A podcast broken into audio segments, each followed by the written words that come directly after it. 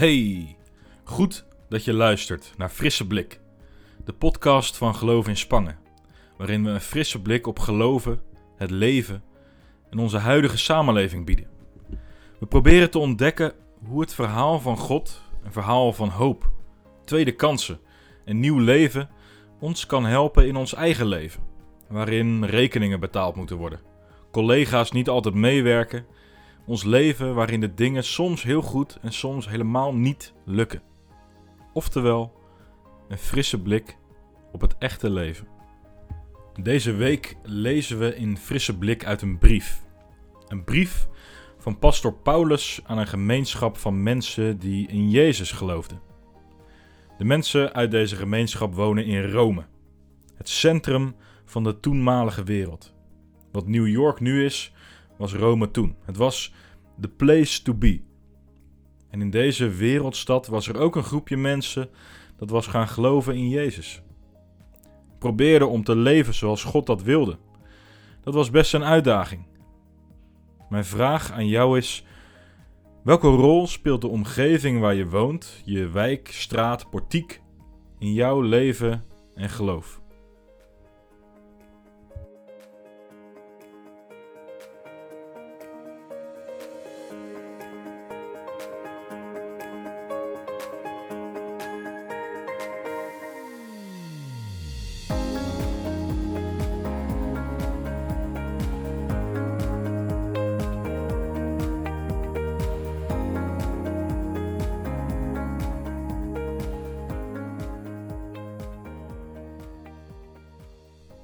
De brief aan deze jonge kerk in Rome is als een prachtig muziekstuk, waarbij het eerste deel voortbouwt op het tweede, het tweede op het derde, enzovoorts.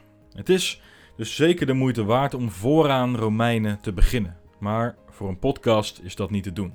Dus vandaag vallen we binnen in Romeinen 12 en we lezen vers 1 tot 3.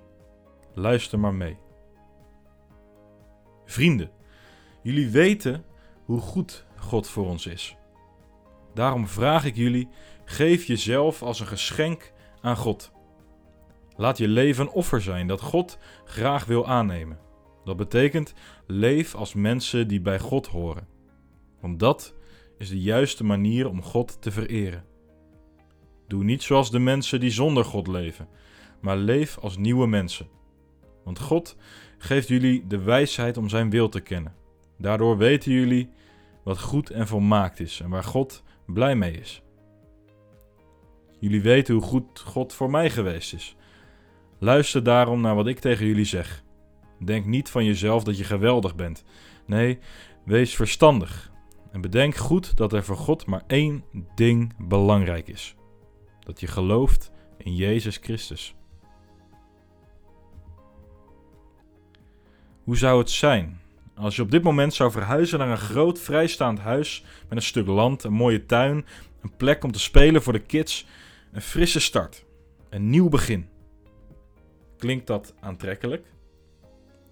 Misschien is geloven voor jou wel vergelijkbaar met zo'n verhuizing. Als je gaat geloven in God, ga je anders leven. Je begint opnieuw. Je gaat oefenen in onvoorwaardelijk liefhebben, vergeven, je leven delen.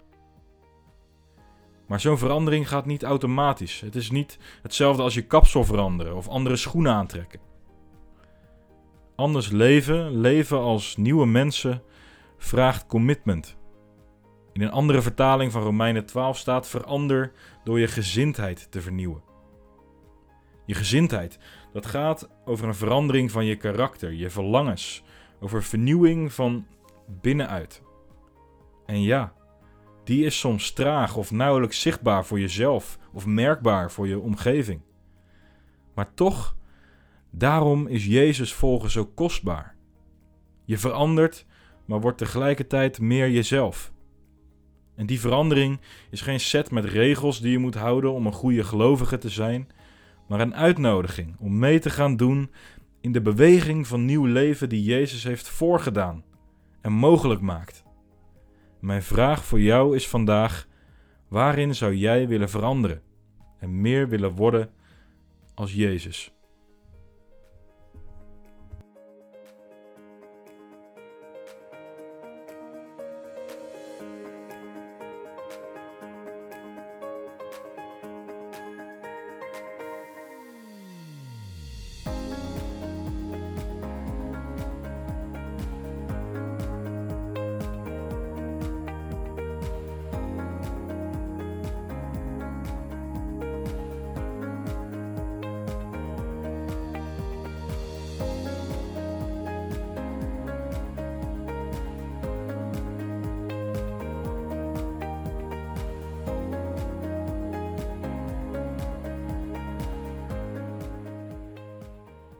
Laten we bidden.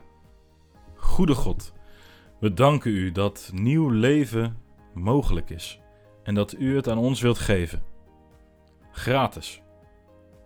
We danken dat u ons helpt om van binnenuit te veranderen en het geduld hebt als dat soms langzaam gaat of slecht lukt. We vragen uw geest om elke dag weer te leven als nieuwe mensen. Amen.